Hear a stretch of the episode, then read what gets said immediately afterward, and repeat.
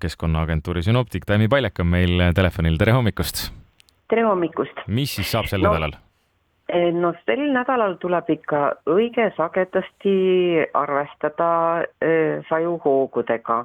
et öö, nii on neid täna ja, ja see äikeseoht on ka pea kõigil päevadel üsna suur ja nii see kulgeb ka täna, täna õhtupoolikul on taas äh, intensiivsemaid sajuhooge, merelt on äikeste vöönd äh, lähenemas, siis äh, eelolev öö, siis on sajuhooge hõredamalt, homme päeval taas kord on, on edelavoolus meile jälle sajupilved lähenemas kolmapäev äh, ka kordub üsna äh, sama äh, muster. nüüd üürikeseks neljapäev on see sajuvõimalus väiksem, ehk see ennelõunane aeg on, on üle maa no natukene kuivem, pärastlõunal õhtul taas on sajuhood tulemas. no reedese kohta tänane pilt annab rohkem nüüd lääne ja, ja siis äh, siia äh, põhja poole sajuhooge, lõuna poole Peipsi äärde vähem. ilusam tänase pildi järgi peaks olema laupäev. pühapäev paneks praegu küsimärgi, et lõunatsüklon on lähenenud, see tähendab, et ta tuleb lõuna poolt meile ja kaasas on tal hea ports äh, niiskust soojust ja olenevalt sellest, kuidas ta nüüd Eestist siis mööda läheb, et kui ta meilt siia, siia lääneserva poole kaldub, siis ta toob meile pühapäevaks idapoolsetesse maakondadesse vähemalt suure südasuvise sooja, kui ta meilt ida poolt mööda läheb, siis siis saame tihedat sadu, aga, aga sellest suurest soojast tuleb suu puhtaks pühkida ja võib-olla veel täienduseks jah, et, et rohkem saab kindlasti vihma nüüd äh, Eesti läänepoolne osa, Kesk-Eesti jääb sinna vahepõjale, et ida pool on, on siis natukene sadusid vähem, aga kolmapäeval tõenäoliselt pole neilgi äh, pääsu sellistest päris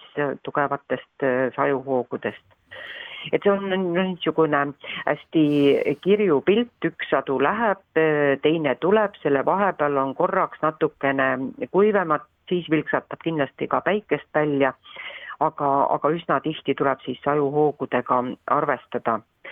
Nüüd vastavalt sellele, kuidas on need sajuhood, vastavalt sellele on meil ka see temperatuurifoon et no nii ka näiteks homme, kui siia lääne poole tuleb rohkem vihma, siis on niisugune seitseteist, kakskümmend, kakskümmend üks kraadi loota. ida poole, kus sadu ei jõua, seal võib tõusta selline kahekümne kolme, viie kraadinigi ja kolmapäevane pilt on ka üsna sarnane, et siin lääne-edela servas napilt kakskümmend kraadi, Eesti põhja-idaserv kakskümmend kaks, kakskümmend viis, noh, see on üsna tavapärane meie eh, temperatuur.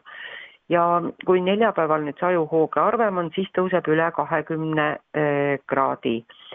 ja reedene pilt on taas kord nädala algusega üsna sarnane, et eh, just Kagu-Eesti see võib kümmelda sellises mõnusas kahekümne viie kraadises soojas, meie siin lääne pool peame kahekümne kraadi ümbruse temperatuuriga arvestama ja kui nüüd laupäev on, on tõesti sajuhooge vähem, päikest rohkem, siis on mõnusalt selline kakskümmend kaks, kakskümmend viis kraadi Eestimaal.